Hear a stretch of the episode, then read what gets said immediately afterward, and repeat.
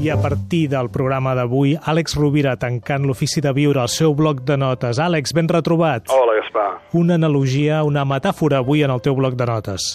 Sí, precisament a partir de lo que escoltàvem tan interessant en el programa d'avui, pensava em venia al cap l'analogia amb, amb la crisi.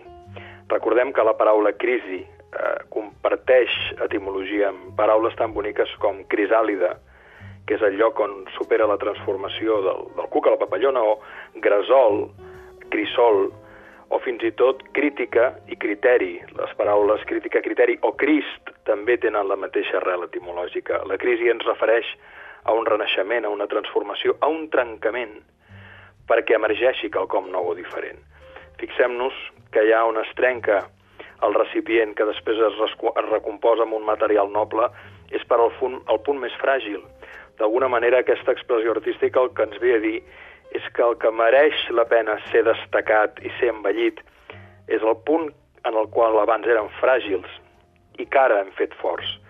És una analogia, penso, molt directa en qualsevol situació de crisi personal. Normalment ens trenquem pels punts d'ombra, pels punts dels quals no som conscients i que emergeixen sovint, sobtada i dolorosament, a la nostra consciència i aquesta crítica ens porta a una crisàlida, a l'emergència d'una consciència nova, desperta, molt més forta. Penso que entre Orient i Occident novament podem trobar aquesta analogia.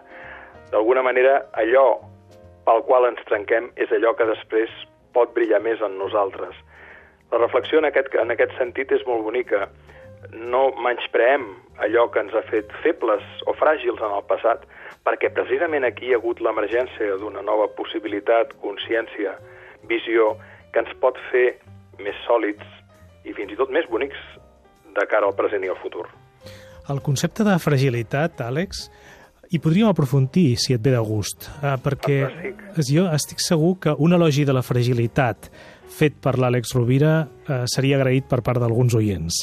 Doncs en aquestes pro- converses que tenim eh, ho, posem, ho posem pel proper bloc de notes, si et sembla bé, Gaspar. Magnífic. Doncs moltes gràcies, Gràcies a Àlex. tu sempre. Una abraçada, Una als abraçada oients a tots també. i a Una abraçada.